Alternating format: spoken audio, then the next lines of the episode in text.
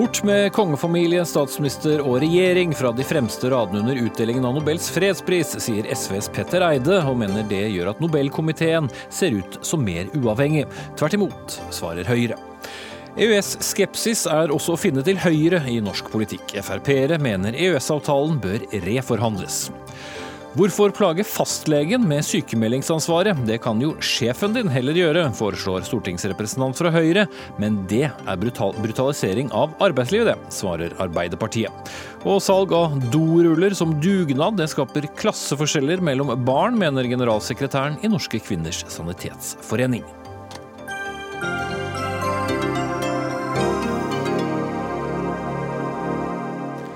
Da sier vi god kveld og velkommen til tirsdagens Dagsnytt 18 med Espen Aas i studio, der vi også skal til den spente situasjonen mellom Ukraina og Russland, og ha med og vår korrespondent derfra direkte. Men vi skal eh, hjemlig aller først, for eh, sentralt plassert på fremste rad har kongefamilien i alle år kastet glans over utdelingen av Nobels fredspris. Tett bak sitter vanligvis statsministeren og regjeringens medlemmer, men nå inviterer stortingsrepresentant Petter Eide Eide til å endre tradisjonen til Aftenposten i dag, sier du Eide, at det ikke er riktig at de skal sitte på første rad. Hvorfor ikke? Ja, Vi skal ta et skritt tilbake og se på konteksten i dag. Stortinget har for eh, en time siden gjort noen viktige beslutninger om endringen av eh, Nobel, altså reglene for hvordan vi skal sette sammen Nobelkomiteen. Målet med disse endringene har selvfølgelig vært å styrke fredsprisen, og det har vært å gjøre Nobelkomiteen mer uavhengig, slik at de ikke skal komme opp i det samme uføret som vi var for noen år siden, med at eh, Kina oppfattet fredsprisen som en del av de norske myndigheters pris. Mm -hmm. Så vi, har, vi går gjennom flere endringer. Og så sier jeg også at, uh, til Aftenposten i dag, helt riktig, at uh, Nobelkomiteen bør vurdere uh, det det seremonielle rundt fredsprisen, slik at folk, når de ser dette på TV i Kina eller i USA eller i Russland, ikke skal få den automatiske oppfatning av at fredsprisen er det norske myndigheters pris.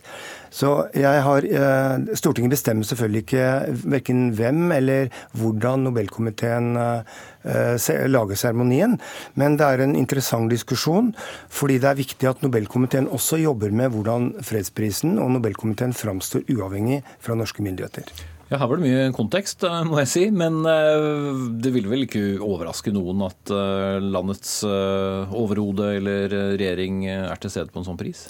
Altså, jeg har sagt at Nobelkomiteen bør diskutere om det offisielle Norge, altså kongefamilien og regjeringen, men kanskje regjeringen først og fremst, bør ha en noe mer tilbaketrukket rolle under selve seremonien. Fordi hvis, eh, når dette sendes til hele verden, så klippes det inn bilder av konge, statsminister, utenriksminister osv. Og, så og det skapes da et inntrykk av at fredsprisen er det offisielle Norges fredspris. Og det skaper en masse forviklinger ute i verden på hva dette egentlig er for noe. Folk tror da at fredsprisen er en del av norsk utenrikspolitikk, hvilket ikke er. Nobelkomiteen skal være uavhengig, og de skal eh, dele ut fredsprisen uavhengig. og Da må de også tenke gjennom hvordan de kan presentere dette for at det skal framstå eh, uavhengig. Michael Tetzschner, stortingsrepresentant fra Høyre. Er det argumenter du er med på? Nei, det var jo litt merkelige argumenter, syns jeg. For det første så syns jeg at konge, vårt kongepar fortjener bedre etter at de har vært så imøtekommende og stilsikre, vil jeg si, og veldig klar over sin rolle. Det er jo ingen som er i tvil om at det er eh, Nobelkomiteen som treffer beslutningen om hvem som får eh, Nobels fredspris. Kina var vel litt i tvil om det? Nei, eh, faktisk ikke. Nå har utenrikskomiteen vært i Kina, og de var meget klar over at det i hvert fall ikke var kongen som utdelte, den. Så det har jo aldri vært noe problem.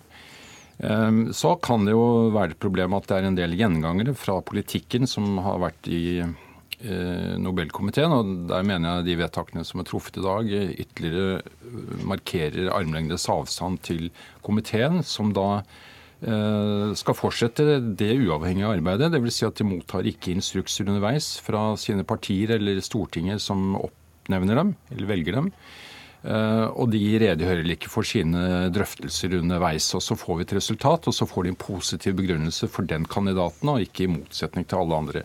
Og Sånn skal det fortsette. og Når det da gjelder denne merkelige ideen om å, å henvise kongeparet og eventuelt kronprinsparet til eh, plasser bakerst i salen, ja, men, så er jo det også virkelig en, en, en, en merkelig SV-konstruksjon som, som, eh, Altså, man må nesten være i SV for å Nei, se logikken. Vi har en i salen fra SV. Kjære så Annika Tetzschner, nå, må du- nå må du ikke liksom latterliggjøre dette. For dette hør, det, hør nå. For, nei, det, dette faktisk Jeg siterer deg, jeg, fra Aftenposten i Nei, du gjør ikke det. Du, du du sier jeg syns ikke det er riktig at kongefamilien sitter på første rad under nobelprisutdelingen. Det er en debatt som jeg syns det er helt rimelig å ta. Hør nå. Du har en mening om det? Ut, ut, ja, jeg har meninger om det. Ja, men- Men utgangspunktet her eh, med, for hele denne debatten, som er viktig at vi tar i Norge, det er at eh, fredsprisen som Nobelkomiteen eh, nominerer til og, og utpeker, skal bidra til fred. Den skal bidra til menneskerettigheter, og den skal bidra til nedrustning i, uh, i verden. For at dette skal skje med autoritet og med tydelighet og bidra til gode prosesser i verden, da må de som, utnevner, eh, de som blir utnevnt til eh, Nobelkomiteen, må ikke ha noen bindinger til det norske Nei, det har du politiske sagt, systemet. men dette med kongefamilien? må vi også, og, og, gjør, og på den måten så gjør vi det formelle skillet, og det, det redegjorde Michael Tetzschner utmerket for. Vi gjør, rydder opp i det formelle nå enda mer i dag enn det det har vært tidligere. I tillegg så må vi gjøre noe med oppfatningen. Og da nytter det ikke å si at uh, hvordan vi oppfatter det, er hvordan dette leses fra utlandet. Og seremonien er det som leses fra utlandet, ikke diskusjonen internt i Stortinget. Seremonien er det man leser i Kina og i Indonesia og i USA. Og der er det en seremoni som, hvor, eh, hvor da det offisielle Norge sitter på første rad. eh, Og klippes inn i bildene av, av nobelpristaleren. Eh, Det skaper et åpenbart inntrykk av at denne prisen er det offisielle Norge sin pris, og det skaper vanskeligheter for Norge. Så skal ikke jeg eh, eh, gå i detalj om hvordan dette, hvordan, hva slags annerledes seremoni det skal være. For det har jeg ingenting med. Det har heller ikke Tetzschner noen ting med. Vi har Så- så ingen- meninger Nei, Vi har ingenting med om hvordan seremonien skal være. Nobelprisen, Nobelkomiteen eh, inviterer hvem de vil, lager den seremonien eh, hvordan de vil. Men jeg inviterer dem til å ta en debatt om hvordan seremonien kan være, slik at den ikke skaper det inntrykket av at fredsprisen er det offisielle Norges fredspris. Men Tetzschner, det er vel poenget at den kan jo også politiseres i den forstand at f.eks. med ICAN-utdelingen så var det jo en del ambassadører fra noen land som eh, ikke møtte opp. Vår egen statsminister ble kritisert for å ikke være så ivrig på å klappe osv. Så, videre. så litt politikk blir det vel fort inn i også denne seremonien? Ja, nå er ikke det en sterk eh, meningsytring, men det viser jo nettopp at regjeringen eh, har eh, som alltid en solid avstand til det Nobelkomiteen gjør. Når det da gjelder spørsmålet om politisering, så må jeg si Petter Eide kanskje litt eh, mot sin hensikt har bidratt til en enorm eh, politisering. For han sier jo nettopp at vi løpende på Stortinget skal ha meninger om hvem som skal sitte hvor i under nobelprisutdelingen i Oslo rådhus. Og eh, jo, for det indikerer jo virkelig en eh, fjernstyring og detaljstyring fra det norske Stortinget når en stortingsrepresentants plasseringsønske eh, når det gjelder kongefamilien og regjeringen. Men kjære Michael hvor, har du- hvor har du dette fra? jeg har det fra deg selv, fordi Nei, du sier jeg det- syns ikke det er riktig at kongefamilien sitter på første rad under nobelprisutdelingen. Men og vi, vi deretter diskuterte så dette, vi fører diskuterte du dette i stortingssalen. Ja, men er mener du ikke det? Er det det du sier? Jeg syns at Nobelkomiteen skal diskutere seremonien. Og jeg syns det gir et feil i- det, Vi risikerer at det gir et feil inntrykk. Eh, ikke i Norge, for vi skjønner dette formelle spillet. Men når det leses fra Kina, USA, andre land, så kan det gi et feil inntrykk når kongen og regjeringen regjeringen er kanskje viktigst, sitter på første rad og klippes sine bilder av nobelpristalleren. er Så, så, så langt vil jeg gå og bare antyr at dette kan være et problem. Eh, Så er det opp til Nobelkomiteen å finne ut av hvordan de kan løse det seremonielle, sånn at de viser at eh, fredsprisen ikke er det offisielle Norge sin fredspris, men er, eh, er laget av en uavhengig Nobelkomité. Men unnskyld, nå har du avbrutt meg eh, to ganger. Jeg tror at hvis Feil, uh... Ja, nå gjorde det igjen. Nei, nå. nei, jeg tolker ikke. Jeg leser fra Aftenposten i dag. Og eh, du må jo stå ved det du har sagt Det- til alle leserne, og slik det også er blitt referert helt riktig i dag uten noen beriktigelse. Men jeg tror også du eh, setter opp eh, en, en veldig merkelig tankefigur, nemlig at dette er fjernsynsseerne i Kina skulle altså da har problemer med å, å skille Nobelkomiteen og andre aktører. Selvfølgelig har de det, fordi de lever i et totalitært samfunn. De er vant til at alt som kommer fra et land, det er i regi av myndighetene. Det er det store problemet. Så det er jo merkelig at vi skal drive med å arrangere stolene annerledes i, under vår nobelprisutdeling eh, av, av, hensyn til, til, slike innbilte problemer som det Petter Eide i dag har gitt uttrykk for. Kort til slutt. Ja, altså, Men ville det sett bedre, bare for å stille et da om det var da medlemmer av folket som satt der fremfor det offisielle Norge? Ja, det, det, kunne vært en løsning. Men som sagt, eh, vi har ingenting med for, som stortingsrepresentanter å mene noe om hvordan dette skal se ut. Invitasjonen går til, eh, til Nobelkomiteen, at de kan se på seremonien for å prøve å, å lage en seremoni som ikke gir et tydelig inntrykk av at dette er det norske, det norske, stats, eh, eller norske myndigheters må bare kort spørre, Har du fått kjeft for uh, Fått masse kommentarer. Det er klart dette er utfordrende. Vi har en lang tradisjon, og vi har en kongefamilie som folket elsker. Så det er klart det er, det er blitt reaksjoner på dette. Men dette handler jo ikke om, det, om kongen eller kongefamilien. Dette handler om at vi skal ha en fredspris som har autoritet, som skal bidra til fred og menneskerettigheter og nedrustning. Okay. Da må vi se på seremonien og se hvordan vi kan gjøre det på en annen måte. Jeg må stoppe deg her, Tetzschner. Eh, alle som vil, kan i hvert fall se årets uh, seremoni, som vanlig, på direktsendt fjernsyn 10.12. fra Oslo rådhus. Takk til Petter Eide fra SV og Michael Tetzschner fra Høyre.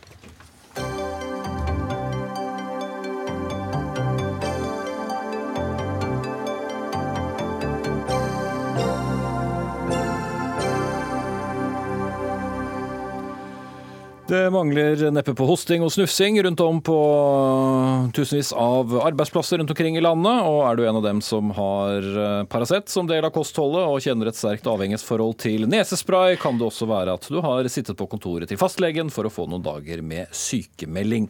Og det siste der, det vil du ha en slutt på du, Margaret Hagerup, stortingsrepresentant eh, fra Høyre. Hvorfor det? Ja, jeg mener jo at nærværsarbeidet bør foregå på arbeidsplassen. Og veldig ofte så har fastlegen lite forutsetninger for å skrive ut en sykemelding. Han skriver ut en sykemelding ut ifra det pasienten forteller, og kjenner ikke så godt til det som foregår på selve arbeidsplassen. Og det vil du heller at sjefen gjør? Jeg vil ikke, Ja, en viktig presisering. Jeg vil at sykemeldingsansvaret skal overføres til bedriften og ikke til sjefen. Jeg mener at dette her er en viktig del av dialogen på arbeidsplassen. Da handler det om to ting. Det handler om funksjonsevne hos den enkelte. Klart Har en omgangssyke, så sier det seg selv at en ikke har funksjonsevne til å være på jobb. Men uh, har en en knokken fot, så kan det handle om hvilke muligheter arbeidsgiver har til tilrettelegging. Hva med både lege og arbeidsgiver, som det vel fort er i dag? Med både Eh, lege og arbeidsgiver? Først få en diagnose hos legen, og så snakke med arbeidsgiver? Det er vel mer? Nei, jeg mener jo at sykefraværsarbeidet bør starte på arbeidsplassen. For det er der en har best forutsetninger for å se hva en klarer å få til. Du bør ikke starte på legekontoret, for da er risikoen for at fraværet blir lenger større, og en vet at er en lenge vekke fra arbeidslivet, så er det vanskelig å komme tilbake. Eh, og Statens arbeidsmiljøinstitutt har jo uttalt at eh, arbeid med arbeidsmiljø er jo den mest lavthengende frukten i sykefraværsdebatten. Og dette er jo en del fastlegen ikke ser. Mm. Ingvild Kjerkol, stortingsrepresentant fra Arbeiderpartiet og medlem av helsekomiteen. Mm. Er det poeng å drive og belemre fastlegen med en sykemelding når du likevel har hostet og snufset i tre dager? Nei, Når du går til fastlegen, så er det jo for at du er syk. Og fastlegen er best til å bedømme helsa di. Ofte så er konsekvensen av sykdommen din en eh, sykemelding. Jeg oppfatter at det er det Hagerup vil til livs. Eh, og jeg er veldig enig i at eh, arbeidsgiver er viktig i å følge opp sykefraværet. Det er også viktig å se til at sykefraværet er ganske stabilt lavt etter at vi har fått denne IA-avtalen som engasjerer arbeidsgiveren. Men helsa di er det fastlegen skal, som skal vurdere. Så vi syns at dette er et ganske kunnskapsløst forslag. Jo, men hva skjer hos fastlegen, som vel er poenget her? Du, du kommer ja. jo inn døren og sier at eh, vet du hva, nå har jeg vært litt uh, subfebril eller hatt feber og hostet og harket uh, noen dager, og nå har jeg vært hjemme tre dager og jeg trenger en sykemelding. OK, jeg hører du er forkjølet, vær så god, her er en sykemelding. Kunne ikke den tiden vært brukt noe annet? Det er jo veldig forskjellig hva folk er sykemeldt for. Eh, og Det som er forskjellen på arbeidsgiver og legen, det er jo at legen også ser etter årsaken til sykdom. Hvis du har vondt i ryggen, så kan selvsagt arbeidsgiver tilrettelegge for det på arbeidsplassen. Og det bør norske arbeidsgivere gjøre i størst mulig grad. Men legen din vil også undersøke hvorfor du har vondt i ryggen. Og det kan jo være noen ganger bagatellmessige ting, men det kan også være alvorlige ting. Og det er det viktig at det er en lege som har ansvar for å avdekke og sjekke opp, og at det ikke er noe som arbeidsgiver tar ansvar for, som har helt andre oppgaver, opptatt av bedriften, av arbeidsplassen, mens legen er, han er lege. Mm. Hagerup, ja, Du bruker noen år på utdannelse disse legene? Ja, Det er ingen tvil om at legen skal alltid ha det siste ordet på det medisinske. Men når det gjelder sykefravær i Norge, så mener jeg det er fremdeles høyt. IA-avtalen har ikke gjort, gitt oss de resultatene vi ønskte. Det har vært bra i privat sektor, men ikke fullt så godt i offentlig sektor. Det gjør jo at vi må diskutere dette. Og når du sier at fastlegen er best til å vurdere helsen, så glemmer du en viktig del i dette arbeidet, og det er jo den enkelte medarbeider. En lege er en rådgiver i dette arbeidet, og medarbeideren kjenner jo selv sin egen funksjonsevne. En lege kan rådgi og si at jeg tror kanskje ikke det er fornuftig at du går på jobb, men trenger nødvendigvis en sykemelding for det. Trenger en en sykemelding når han har influensa tre dager? Nei. Tidligere så var det sånn at når du knakk en fot, så kunne du være sykemeldt en lengre periode. I dag er det jo sånn at det kan være du skal være sykemeldt hvis du jobber på lager, men hvis du jobber på kontor, så trenger du kanskje ikke en sykemelding. Men en lagermedarbeider kan òg få tilrettelegging og jobbe på et kontor f.eks. Han kan kjøre trøkk. Det finnes mange muligheter, og den dialogen blir jo best på arbeidsplassen. Mm, men de tingene er vel ikke helt borte? Nei, så mener jeg at fremdeles så har en jo da med mitt forslag muligheten til å ta både lege, fysioterapeut, psykolog og innkalle de en mener viktige. Så må en ikke glemme bedriftshelsetjeneste og verneombud. Og det er mange aktører. Nå hørtes så veldig stort og byråkratisk ut, og det var vel heller ikke eh, poenget ditt. Altså, men hva tenker du kan være en diagnose som eh, NRK kan stille for meg, hvis jeg føler meg litt uh, tuslete? Hva jeg mener en diagnose. Ja, altså, hvor skal grensegangen gå? Altså, hvilket, uh, når er det du ikke trenger lege, altså, og når trenger du lege? Det må vi diskutere etter hvert, men i dag så er det jo sånn at en IA-bedrift har 24 egenmeldingsdager. Og det er sånn i dag at det er veldig mange som ikke bruker opp disse. Og det er veldig mange av de som bruker få dager, som allikevel går til legen. Og Det mener jeg er helt unødvendig, og det har jeg sagt til mange i mine oppfølginger. At du trenger ikke gå til legen for å være vekke fra jobb noen dager. Mm. Ja, men Hvis du går til legen, så er det jo fordi at du er syk. Og det er jo en lege som kan fortelle deg hva som eventuelt feiler deg, om det er behandling han skal foreskrive, eller om det er mulig å tilrettelegge på arbeidsplassen. Da involverer man arbeidsgiver. Da kommer virkemidlene til arbeidsgiver til anvendelse. Det å så eh, gi arbeidsgiver denne myndigheten, for det er jo det jeg oppfatter er forslaget fra Hagerup, at arbeidsgiver skal kunne skrive ut sykemelding. Det det så nei, men Nei. Eh, sånn har jeg oppfatta det. Eh, vi opplever jo det alle og enhver, at når vi er syke, så er det en lege en med medisinsk kompetanse som skal vurdere helsa vår. Om det er forenlig med å gå på arbeid eller ikke, det gir seg ofte sjøl ut ifra sykdommens art eller skadens art. Og så tror jeg òg at arbeidsgiverne i mye større grad kan tilrettelegge, og mange arbeidsgivere er gode til å tilrettelegge også. Men vi har jo også dem som er sykemeldt og som har plager som følge følge av forhold på arbeidsplassen. Når du vekter forholdet mellom arbeidstaker og arbeidsgiver så skjevt som det Hagerup gjør med sitt eh, forslag, så forrykker du noe av den eh, tilliten vi har i norsk arbeidsliv. Du ja. brutaliserer arbeidslivet. Og det her er egentlig ikke et kort som jeg har oppfatta at eh, norske arbeidsgivere ønsker å ha i sin kortstokk heller. Men det, dette er spennende, Hagerup, fordi det er jo noe med Vil ikke det alltid være en større interesse for en arbeidsgiver at du kommer på jobb, enn at du blir hjemme? Men av og til så vil det jo òg være interesse for arbeidstakere at arbeidsgiver sier at vet du hva, du er faktisk ikke frisk i dag, du bør gå hjem. Noen, gå hjem. Altså Arbeidsgiver har en viktig rolle å ivareta medarbeiderne, men jeg mener at nærværsarbeidet gjør seg best på arbeidsplassen. Det er ikke nødvendigvis da at arbeidsgiver skal sykemelde. Det ville jo vært horribelt forslag. Men jeg mener at dialogen på arbeidsplassen med tilrettelegging kan der gjøres mye. Og så vil det selvfølgelig være tilfeller, og ganske mange, der du ikke kan tilrettelegge. Vi sier ikke at folk skal ikke være syke, men jeg sier at du trenger nødvendigvis ikke en sykemelding for å legitimere fraværet. Og det er det mange som gjør i dag. Det er mange i dag som går til legen, ikke for nødvendigvis for at de er syke, men for at de må legitimere for sin arbeidsgiver at legen har faktisk sagt at jeg er syk. Og det mener jeg at i veldig mange tilfeller så trenger en ikke det. For i IA-avtalen i dag så har en 24 fraværsdager i løpet av et år. Som nevnt. Kjerkol. Egenmeldinga har man jo, og da er det viktig at man i fellesskap finner fram til den ja, riktige måten å komme tilbake på jobb på. Der har arbeidsgiver en tydelig rolle og et stort ansvar. Men det er klart det at det må være helsepersonell som vurderer om du er frisk nok til å gå på jobb eller ikke. Og, og, Det er litt vanskelig å få tak i hva egentlig det er Hagerup foreslår. Jo, men jeg tror Et av poengene er ha... hvis man åpenbart har vært syk ja, noen dager, så er det jo bare en byråkratisk tur ekstra som bruker eh, fastlegens uh, tid, enn å si fra 'hallo, jeg har vært uh, hjemme i, i, i tre dager'. Det vil jo være ø, opp til det enkelte tilfellet. Sant? Det kan være forskjellig fra gang til gang. Har du vondt i ryggen, så er det også lurt å finne ut om det er noe alvorlig med ryggen. Det kan være en svulst, det kan være litt ømme muskler etter ei hard treningsøkt. Det er legen best til å undersøke og finne årsaker til sykdom. Det handler om pasientsikkerhet. Hvis dette er et forslag som f.eks helseminister Bent Høie står bak, så syns jeg det er ganske radikalt. Det gir noen konsekvenser her som det ikke virker som eh, Hagerup har tenkt nøye nok over. Og vi vil ikke være med på å svekke arbeidstakere sine rettigheter i det, den relasjonen de har til arbeidsgiverne. Vi syns det er bra med en lege som har ett fokus, det er pasientens helse. Og så skal man finne sammen med sin arbeidsgiver for å få hverdagen til å fungere, for å få bedriften til å virke okay. godt, osv. osv videre. Ja. Greit. Jeg får uh, hva skal jeg si, friskmelde denne debatten, eventuelt sykemelde den ut fra hvilket ståsted man har. Men jeg sier hvert fall takk til dere begge. Egenmelding, ikke sant. Ingvild Kjerkol, stortingsrepresentant fra Arbeiderpartiet, og Margaret Hagerup fra Høyre. Takk skal dere ha.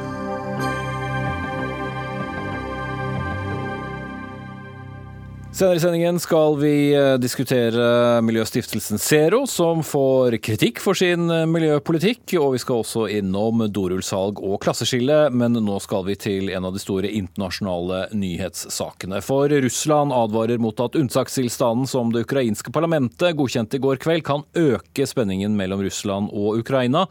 Det var den ukrainske presidenten Petro Potrosjenko som ba om unntakstilstand som følge av sammenstøtet i Svartehavet på søndag. der den russiske kystvakten altså skjøt mot to ukrainske marinefartøy og en taubåt ved den annekterte Krim-halvøya. Og Jan Espen Kruse, vår korrespondent eh, på plass eh, i hovedstaden Kiev i Ukraina. Hvorfor mener russerne at en ukrainsk unntakstilstand kan eh, øke denne spenningen mellom landene? Altså Det ligger jo i unntakstilstanden at eh, de militære får mye utvidede fullmakter, eh, spesielt i eh, området da, som grenser mot Russland og områdene i den østlige delen av Ukraina. Så de vil da kunne sette i gang Eh, militære aksjoner mye mer på egen hånd, og det er det russerne er bekymret for. At det skal eh, bli da nye trefninger, ny eh, hard krigføring mellom den ukrainske hæren og de russiskstøttede opprørerne i den østlige delen av Ukraina. Men hva var de politiske reaksjonene i Ukraina, da? Var det full enstemmighet om dette? Eh, reaksjonene på uttalelsene fra Moskva er jo De har ikke kommet offisielt ennå, men det er jo helt klart at eh, man eh, ser på det som en slags trussel fra Russlands side. At russerne også kan komme til å trekke, trappe opp eh, denne lavskalakrigen som hele tiden har pågått i, i den østlige delen av Ukraina, og som ligger der og ulmer hele tiden. Og der denne hendelsen da fant sted på søndag, eh, Jan Espen, eh, hvordan er situasjonen der nå? Ja, eh, Det kom meldinger om at det er åpent for ferdsel igjen. Eh, og så kommer det litt ubekreftede meldinger om at det tidvis er stengt. Eh, men altså, poenget er jo at russerne har jo demonstrert den russiske marinen, den russiske militære grensestyrken, har jo bevist at det er de som kontrollerer dette Kertsj-stredet, som er så viktig for trafikken ut og inn av båter da, fra dette Azov-havet og havnene der sånn. Eh, så har du ikke eh, for så vidt manglet på internasjonale fordømmelser eh, for hva Russland gjorde, men har det også kommet støtte, eller litt mindre samstemt kritikk, for å bruke det ordet? Ja, Det er først og fremst den tyrkiske presidenten Erdogan som har vært eh, ute i dag og sagt at han ønsker at Svartehavet skal bli et fredens hav. Og han håper at Russland og Ukraina kan snakke sammen, sier han, eh, om problemene istedenfor å trappe opp eh, militært. Men den russiske utenriksministeren Lavrov han har jo sagt i dag at det er helt uaktuelt å la andre land forhandle i denne konflikten. Dette skal Russland og Ukraina Eh, løse selv. Og det er jo ikke noe godt tegn for tiden framover. Nei, Vi har jo bl.a. hørt om et sånn tysk-fransk initiativ eh, til eh, megling her. Det kan tyde på at ikke alle er like velkomne overfor et slikt initiativ? Ja, absolutt. Russland avviser dette her. Og eh, dermed så er det jo maktpolitikken som eh, taler. Eh, hele verdenssamfunnet har jo gått inn for og sagt at nå må begge parter besinne seg. Nå må de holde opp og trappe opp hele tiden, men heller snakke sammen og prøve å finne fredelige løsninger på dette. her. Du eh, har jo nå ankommet altså den ukrainske hovedstaden. Hva sier folk der? Og hvis vi ser på det politiske bildet ellers i Ukraina, er, er det full enighet eh, med presidenten om den unntakstilstanden? Nei da. Eh, altså Parlamentet eh, vedtok den jo med klart flertall, men den politiske opposisjonen har vært ganske sterk i sin kritikk av den. Eh, hun som leder på meningsmålingene foran presidentvalget i mars, Jula Timosjenko, hun sier at Porosjenko, den sittende presidenten, har, han bruker denne krisen nå til rett og slett å styrke seg sjøl på meningsmålingene. Bruke dem for å bedre sine sjanser foran presidentvalget valget, at det er noe av motivasjonen for at han eh, går så veldig hardt ut som han eh, gjør i denne, denne saken, istedenfor å prøve å finne felles eh, forhandlinger og løsninger. Jan Espen Kruse i Kiev, takk skal du ha.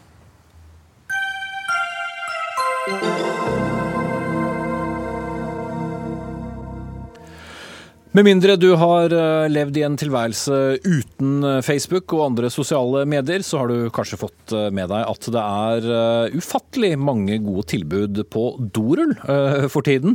Det er ikke fordi at folk er så opphengt i vår personlige hygiene, men rett og slett fordi skoler finansierer skoleturer på denne måten. Skal det bli f.eks. en tur til de gamle konsentrasjonsleirene i Polen, ja, så må foreldre og ungdommer selge selge hundrevis av doruller. Men det er ikke alle som har råd til å kjøpe disse dorullene for så å selge dem videre, eller plass til å oppbevare store sekker fulle av doruller, eller tid eller bil for den saks skyld til å kjøre rundt for å selge dem i lokalmiljøet. Grete Herlovsson, generalsekretær i Norske Kvinners Sanitetsforening. I en kronikk i Dagsavisen så skriver du at dorullsalg for å tjene inn penger til klassetur skaper klasseskiller. Hvordan da? Nei, Du sa egentlig akkurat det som jeg ville fram med selv. Det er at deltakeravgiften for dugnadsarbeid begynner å bli så høy at selv det å skulle drive dugnadsarbeid for å delta eh, blir vanskelig for mange, fordi at ikke de har de nødvendige rammebetingelsene for å kunne delta. Nemlig å kjøpe ti sekker med dopapir.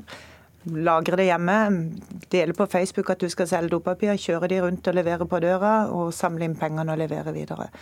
Eh, og så ser vi at disse klasseturene, som jo har et strålende formål, men som foreldre arrangerer, har en veldig veldig, veldig høy inngangspris. Så det å skulle få være med på det i det hele tatt, krever at du kan være med på dugnad. Og når også dugnaden får en høy inngangspris, så er det ekskluderende. Mm -hmm. Og da er det bedre å la være å turene?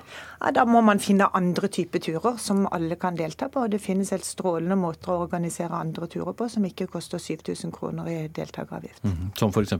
Som f.eks. å reise til en annen by. Eh, vi er fra min egen by. Jeg har en nevø som bor på Sørlandet, som var i Oslo og var på Stortinget og på Nasjonalgalleriet på Holocaust-senteret og bodde privat. Tok bussen inn, som ikke krever like mye av både foreldre og de som skal delta. Mm -hmm.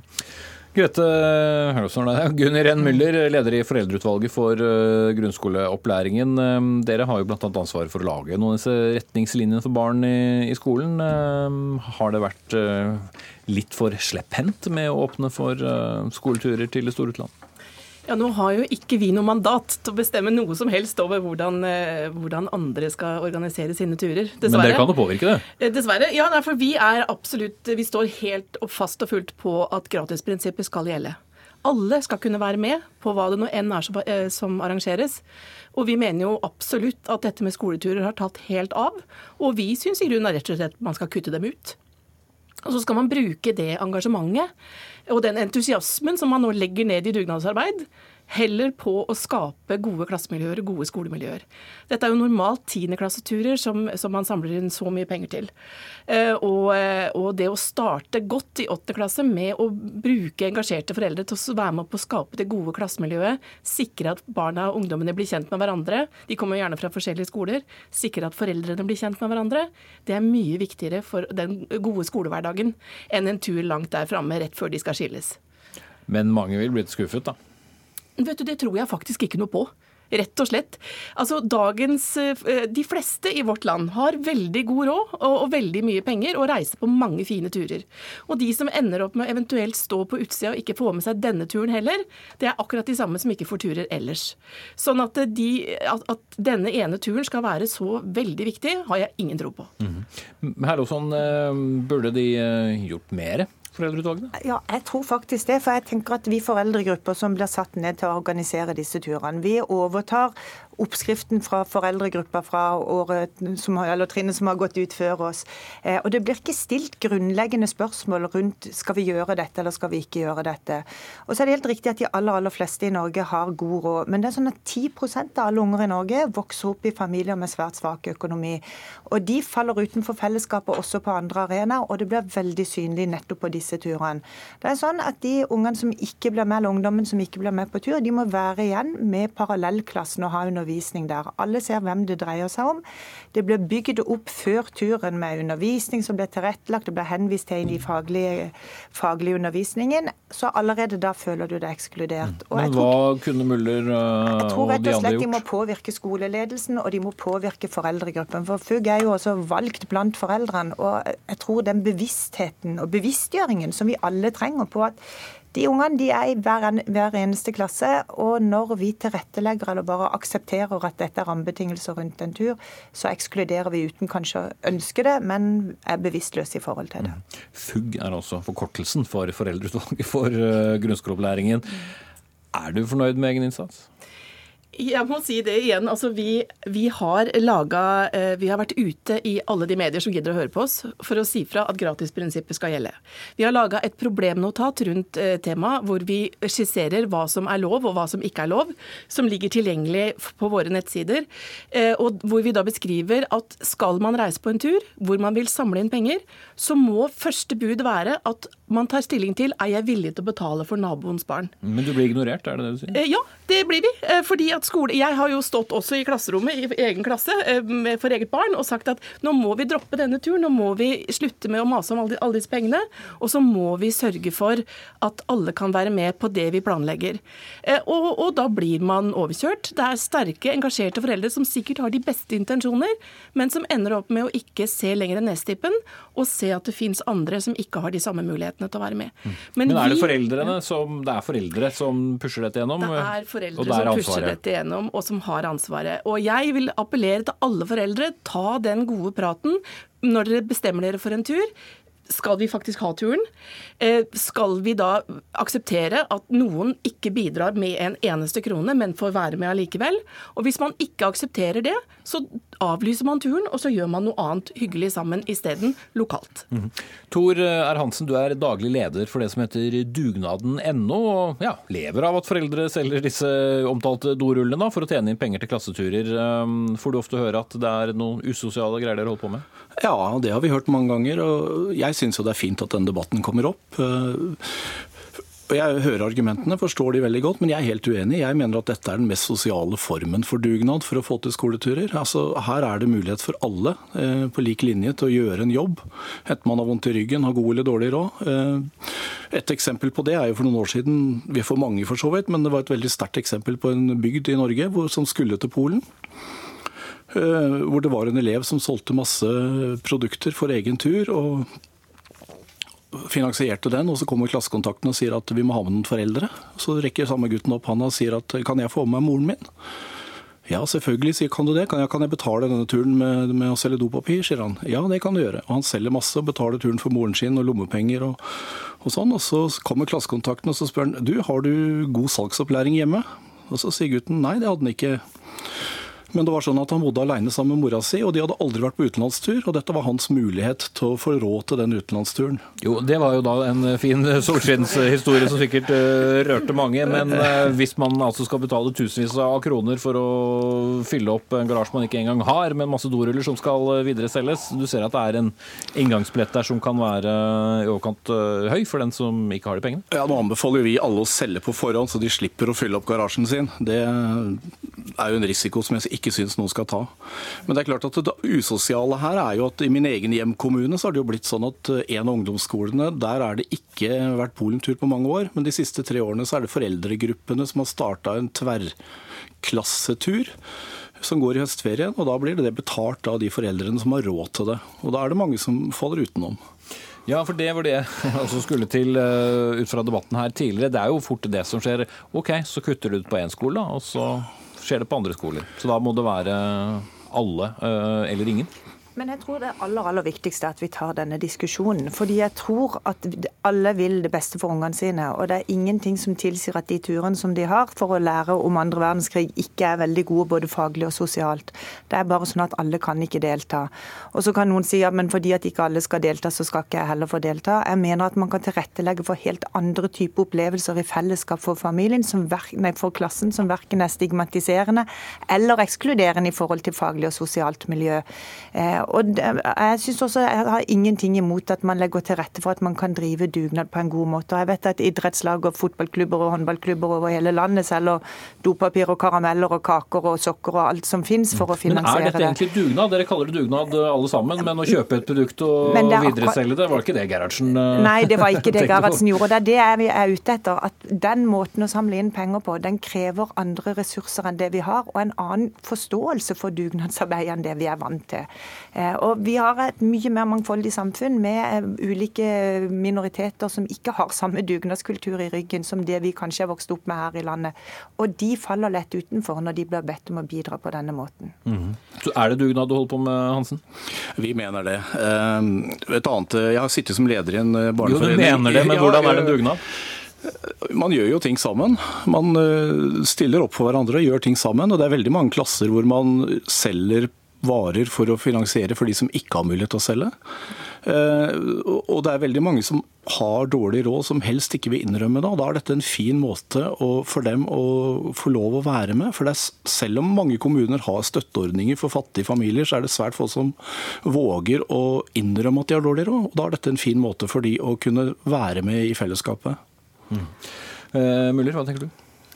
Jeg tenker at det som jeg føler er usolidarisk også oppi alt dette her, er jo ikke bare det at det, man bruker tid på dette her til klassetur, men, men man stjeler jo også fra et marked. Når skolen skal inn på det samme markedet som idretten og alle andre frivillige lag og foreninger skal inn på. Et lokalsamfunn kan bare selge så mange doruller.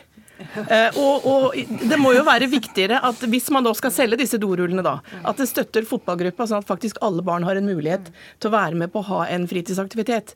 Og det å være med og høre til i lokalsamfunnet må jo være mye viktigere enn å få en fin skoletur på et eller annet tidspunkt. Vurderte en morsomhet om hva man kunne bruke dorullene til helt til slutt der. Jeg lar den være, men takk til uh, Grete Herlofsson, generalsekretær i Norske kvinners sanitetsforening, Gunn Ren Møller, leder i foreldreutvalget for eh, grunnskoleopplæringen, eller FUG om du vil, uh, og Tor R. Hansen, daglig leder for dugnaden.no.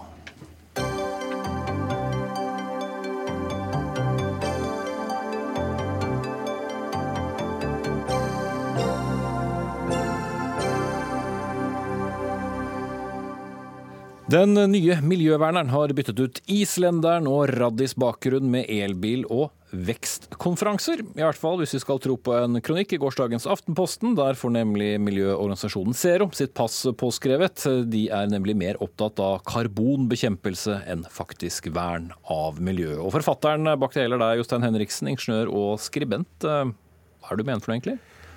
Eh, etter hvert som det blir varmere, så, så blir det mer og mer tydelig at den, den, de problemene jorda står overfor, er større enn en bare klima. Har, havene fylles med plast. Villfiskene vår begynner å bli giftig, arter dør ut, matjord forsvinner, villmark forsvinner osv. osv. Og, og dette her kan bare delvis forklares med klimaendringer. Um, hvis du tar dyrepopulasjoner, så anslår nå WWF at omtrent 60 av, dyre, av virveldyrpopulasjoner har forsvunnet.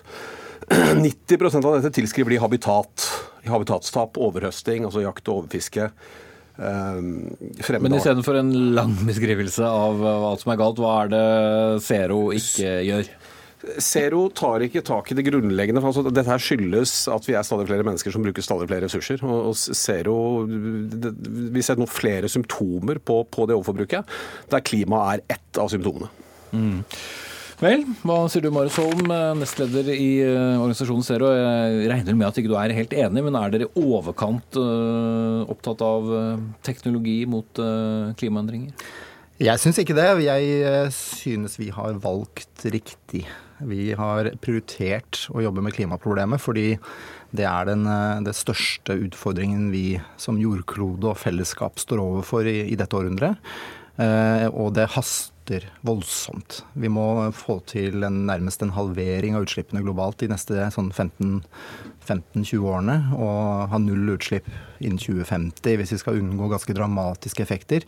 Både for mennesker, eh, men også for natur. Og det er det dere hovedsakelig gjør i deres arbeid? Vi har valgt å prioritere klima, ja. Og Det betyr ikke at vi er uenig i at det finnes andre miljøproblemer. Vi samarbeider jo også om de andre miljøorganisasjonene. Og vi har litt sånn arbeidsdeling. at jeg, jeg har jo stor sympati for det WWF eh, gjør for å beskytte fiskebestander og hav f.eks., og samarbeider godt med de. Eh, men, men, jeg er opptatt av at eh, klimaproblemet det er faktisk løsbart. Klimaproblemet er ikke, som Henriksen skriver, et symptom på eh, vår livsstil eller vårt økonomiske system.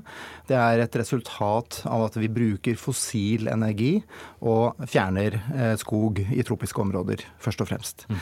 Og det betyr at hvis vi kvitter oss med de to tingene, hvis vi slutter å bruke fossil energi, går over til rene energikilder, ja, så har vi også stanset klimaendringene. Mm. Men du får ikke tilbake alle dyrearter og de andre tingene som Nei, Henriksen peker på? Nei, det gjør vi ikke. og Derfor så er, eh, består miljøpolitikk av mye mer enn klimapolitikk. Men klimapolitikk er også ekstremt viktig for eh, biologisk mangfold. For, for så er forskjellen på halvannen og to graders oppvarming Det betyr f.eks. Eh, at korallrevene blir nærmest utryddet ved to grader. Så hvis vi, ikke, hvis vi lar temperaturen stige to grader, så blir korallrevene borte. Mm. Og det er dramatisk for veldig mange arter. Ja, eh, Det blir liksom to debatter her, men, men Henriksen, er det vel poeng også at Zero trenger ikke være opptatt av alt på en gang? Nei, absolutt ikke. Men eh, problemet oppstår vel når man bruker, når man foreslår eh, altså vekst som et virkemiddel i klimakampen. Fordi vekst er jo noe av bakgrunnen for alle de andre krisene vi ser. Uh, og, og det, det, som var utgangspunktet for kronikken min, og som Marius Holm skrev i, i, sin kronikk på, på, nettstedet PAN, er at han går inn for mer teknologiutvikling, mer markedsbygging, mer kvotemarkeder osv. Og, og da kommer du i en direkte konflikt med en del av de andre Da får du en sånn klassisk naturvern mot miljøvernkonflikt. Mm. For noen uker siden så hadde jo dere i Zero miljøkonferanse. Programposten hadde tittel som 'Slik kan vi tjene milliarder på hydrogen'. Fra Oslo til Times Square. Lærdom fra norsk eksportsuksess og havvind Norges neste offshore-eventyr. Er det penger det handler om? Det handler i hvert fall om å, For oss handler det om å, å lage rammer som gjør at vi investerer i helt andre ting enn vi har gjort. Vi foreslår ganske radikale endringer i hvordan vi driver eh, verden og økonomien og Norge på. Vi foreslår forbud mot eh, en rekke ting som vi er vant til å gjøre. Vi foreslår kraftige avgiftsøkninger som vil gjøre store deler av næringslivet ulønnsomt. Eh, og vi foreslår eh, gradvis eh, forbud mot utslipp i industri, sånn som kvotesystemet egentlig er. Det er en gradvis forbud mot å slippe ut CO2 i Europa. Og så er det sånn at vi er opptatt av å lykkes, og da må vi kommunisere med beslutningstagere. Vi må må sørge for at både politikere og næringslivsledere eh, gjennomfører de endringene, for det er de som har makt til å gjennomføre de. Og det er de som kommer snakke, ja. også. Jonas Gahr Støre, Equinor-sjef eh, Eldar Sætre, næringsminister ja. Torbjørn Røe Isaksen, finansminister Siv Jensen og masse næringslivsledere. Men mm. er dere tøffe nok, eller sier dere dere kan gjøre dette? Vi, for, vi foreslår tøffe virkemidler, men vi snakker om en bedre verden som vi mener det er mulig å skape. Og husk, at, husk hva vekst har gitt oss. Det har gitt oss en reduksjon i eh, andel fattige mennesker i verden fra ca. halvparten til bare sånn rundt 10 i dag. Det har redusert spedbarnsdødelighet. Det har redusert, det har økt forventet levealder med ti år bare de siste ti årene. Altså, er, den velferdsutviklingen vi har sett, er et resultat av økonomisk utvikling.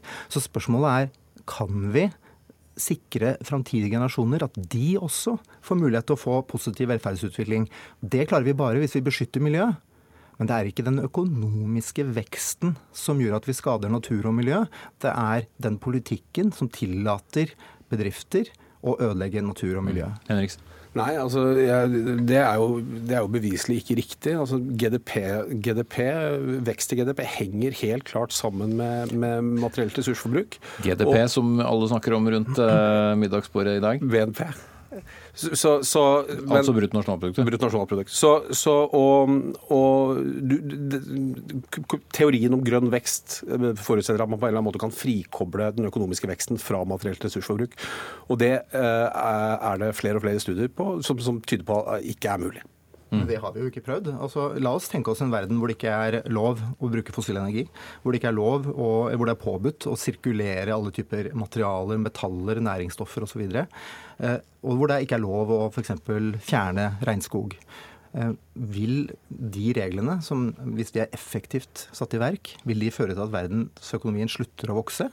Jeg tror ikke det. Jeg tror heller at det å hindre miljøødeleggelse vil Eh, gjøre økonomien sterkere, fordi miljøødeleggelser er skadelig for, for, velferdsutviklingen. Så jeg er veldig eh, sterkt optimistisk på at dette er mulig, men det er ingen som har prøvd ennå. Og dessverre så prøver man ikke hardt nok. Vi, du er ikke redd for at det er en utopi, da? Nei, jeg tror, jeg, altså, Jo, jeg er redd for det. Men jeg er ganske sikker på, jeg er, redd, jeg er redd for at vi ikke kommer til å vedta det som er nødvendig. Vi kommer, at vi ikke kommer til å vedta tilstrekkelig tøffe endringer men hvis vi gjør det, hvis vi setter på plass alle de gjerdestolpene som skal beskytte natur og miljø mot økonomisk aktivitet, så vil vi se at velferdsutviklingen fortsetter. Vi vil forbruke veldig mye mindre av en del varer som er nesten umulig å produsere bærekraftig, okay. men, men, vi vil meg, fortsatt ha positiv utvikling. La meg komme med noen eksempler. Altså, Zero tar til orde for en bioenergipolitikk som vil føre til massiv avskoging. De tar til orde for vindmølleparker i ekstremt sårbare uh, områder for dyreliv. Eh, de tar til orde for storstilt utbygging av norske vassdrag, som er en hotspot for populasjonstap og for uh, tap i artsmangfold. Uh, og de var i Vestfold ulne da det kom til monstermassene på, på, i Hardanger. Så Det er altså- konkrete eksempler på, på, på, på, at miljøorganisasjoner som driver en sånn vekst, en slags, med en vekstideologi, kommer i konflikt med, med naturen. Ja, altså det er balanser mellom eh, det å, å, skape en bærekraftig utvikling, både økonomisk og miljømessig, og, og, at det betyr at vi må over på energikilder som syns i landskapet. Men det at, vi, eh, det at eh, strømlinjer syns i landskapet, det reduserer ikke muligheten for å opprettholde den, det livet vi har på jorda. Det er kjedelig med at utsikten blir ødelagt der den blir ødelagt, men det er en realitet vi må forholde oss til, enten det gjelder vindmøller eller det gjelder moster. Men samtidig så er nå fornybar energi blitt så effektivt, så konkurransedyktig, både sol, vind og andre energikilder, at vi faktisk har den friheten at vi kan dekke verdens behov, samtidig som vi f.eks. sier nei til utbygging av nye vassdrag. Og Derfor applauderte vi i Zero f.eks. at man eh, har eh, sagt stopp for vannkraftutbygging, vannkraftutbygging en av de siste liksom, urørte elvene i Valdres nylig. Vi applauderer at man sier nei til vindkraft på de mest eh, utsatte stedene for f.eks. sjøfugl. For vi har heldigvis friheten til, å, til å, velge bort de vanskeligste prosjektene. Men dere, men dere tar til orde for utbygging av en vindmøllepark i, på Siragrunnen i, i strid med absolutt alle faginstanser. Nei. Med Norges Fiskarlag, Norsk ornitologisk forening, Naturvernforbundet, WWF, Sabima, Miljødirektoratet, Fylkesmannen, Fiskeridirektoratet osv. osv. Til og med NVE, som, som knappest kan kalle noen miljøaktivister, men, men dette, avslo til slutt uh, utbyggingen. Men, men det, dette handler om, det er hundrevis av saker nå hvor man skal avveie Eh, naturvern mot eh, behovet for eh, fornybar energi. Og Siragrunnen er et eksempel hvor vi var interessert i å se om vi kunne få Norges første offshore vindmølle og teste ut ny teknologi. Men når NVE kom fram til, etter en avveining av konsekvenser for, for bl.a. fugl og fisk, og til at det var et at konsekvensene var uakseptable, så er det en beslutning vi støtter. Og Vi anbefaler både NVE og OED å si nei til alle vindkraftverk som har store negative konsekvenser, fordi vi trenger ikke å bygge det ut. Vi har nok av ressurser som er mindre kontroversielle, som vi kan bruke. Ok, Jose Henriksen, veldig kort til slutt. Ble du overbevist? Uh, nei, altså til syvende og sist så kommer man tilbake til det grunnleggende spørsmålet her, som er er grønn vekst mulig. Det er gjort masse, det, det, det er prøvd. Det er, man har tall på at man har fått det til til en viss grad i OECD-landene, i Kina osv. Men, men uh, studier viser at det blir vanskelig å, å, å fullføre. Mm. Vi får ikke fullført noe med denne debatten i hvert fall. Jostein Henriksen, ingeniør og skribent. Takk skal du ha. Og Marius Holm, nestleder i miljøorganisasjonen Zero.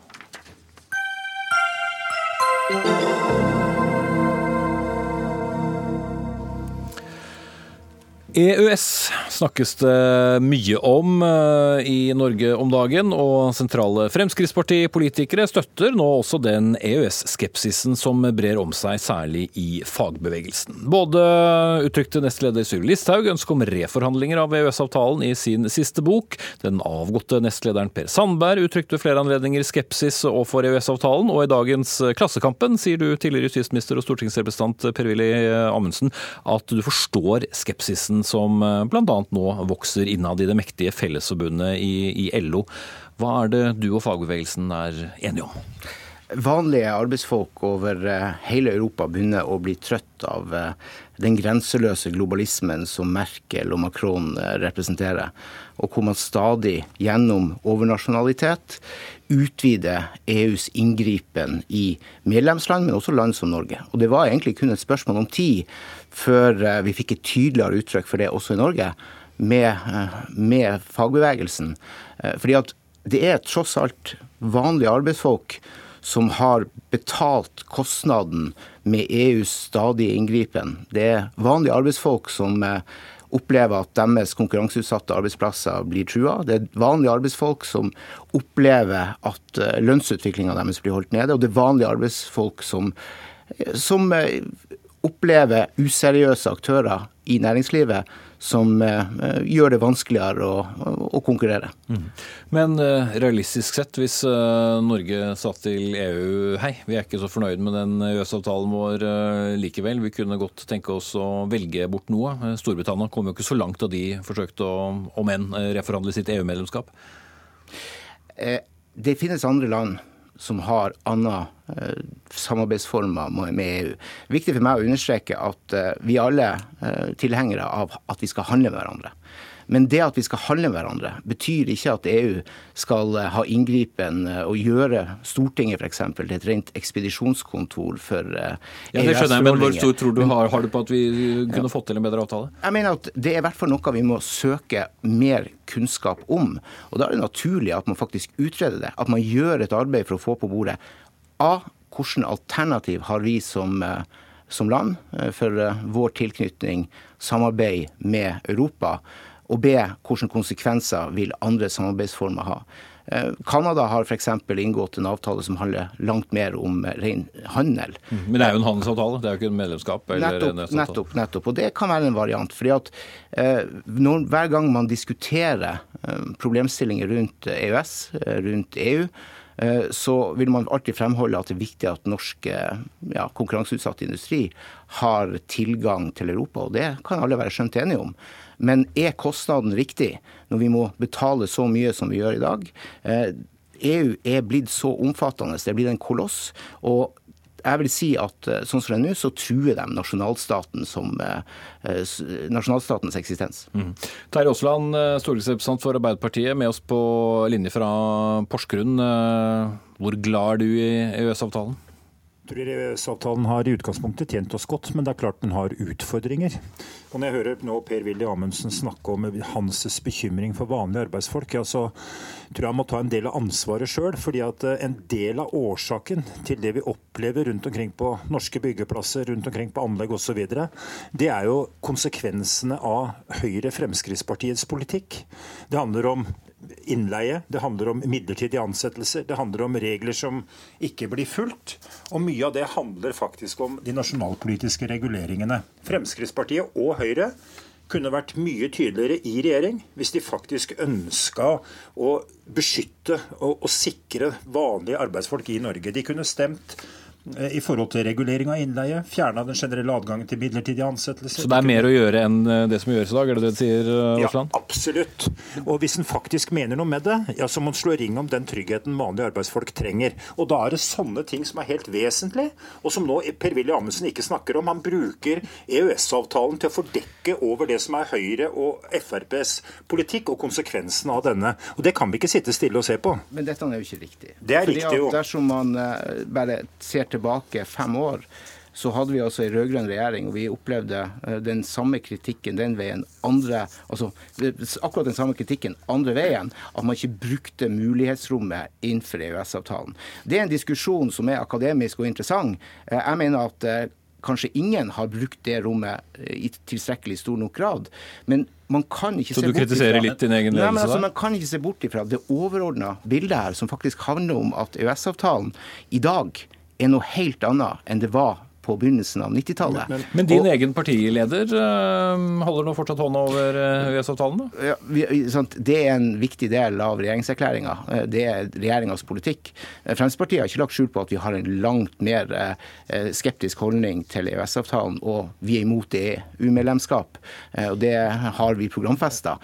Så det er en uenighet mellom Høyre og Frp, på samme måte som det er en uenighet mellom Frp og Arbeiderpartiet. Men Arbeiderpartiet kan ikke skjule den utviklinga vi har sett. Man kan ikke fortsette å late som at EØS-avtalen og EUs enorme vekst og inngripen ikke har hatt Ok, det har du betydning sagt. for Norge. Uh, Terje Aasland. Ja, Vi vil gjerne utfordre på EØS-avtalen, vi, men vi mener at EØS-avtalen som ramme og som fundament i vår tilnærming til Europa, vårt viktigste handelsmarked, er eh, i utgangspunktet bra.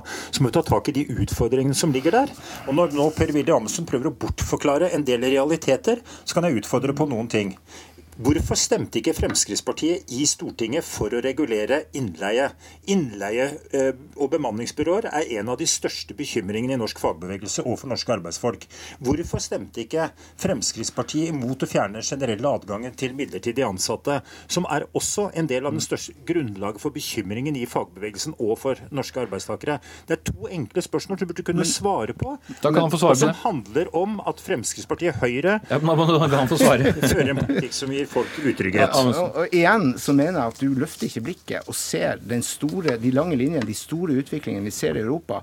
Altså Vanlige arbeidsfolk som er lei av at de blir utfordra av billigere arbeidskraft, som ikke får den samme eh, lønnsøkninga, som ikke ser år for år eh, den samme utviklinga som deler av skjerma sektor i Norge opplever. Og Det handler i bunn og grunn om EØS-avtalen, hvordan den har utvikla seg over tid. Det er en dynamisk avtale, det er en helt annen avtale i dag enn det var eh, på begynnelsen av 90-tallet. Og det har fått konsekvenser. Dette handler ikke om eh, små bevegelser i nasjonal politikk, dette handler om de lange linjene for Europa.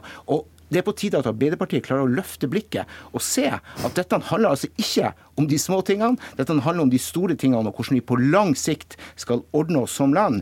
Fordi at jeg er ikke i tvil at sånn som saken har utvikla seg nå, så tjener ikke nødvendigvis EØS-avtalen norske interesser. Det er okay. viktig at vi har handel. Nå tar inn men det- Aasland igjen, eh, Amundsen. Og jeg vil også spørre deg, altså, La gå at størstedelen av LO er, er fortsatt eh, for EØS-avtalen, men det er også strømninger bl.a. i, i Fellesforbundet som vi har vært innom en del ganger, som, eh, som går motsatt vei. Hvordan skal dere i Arbeiderpartiledelsen ta det opp i dere, og også skepsisen som var f.eks. mot ACER? Ja, Vi tar selvfølgelig den bekymringen som er i LO på største alvor.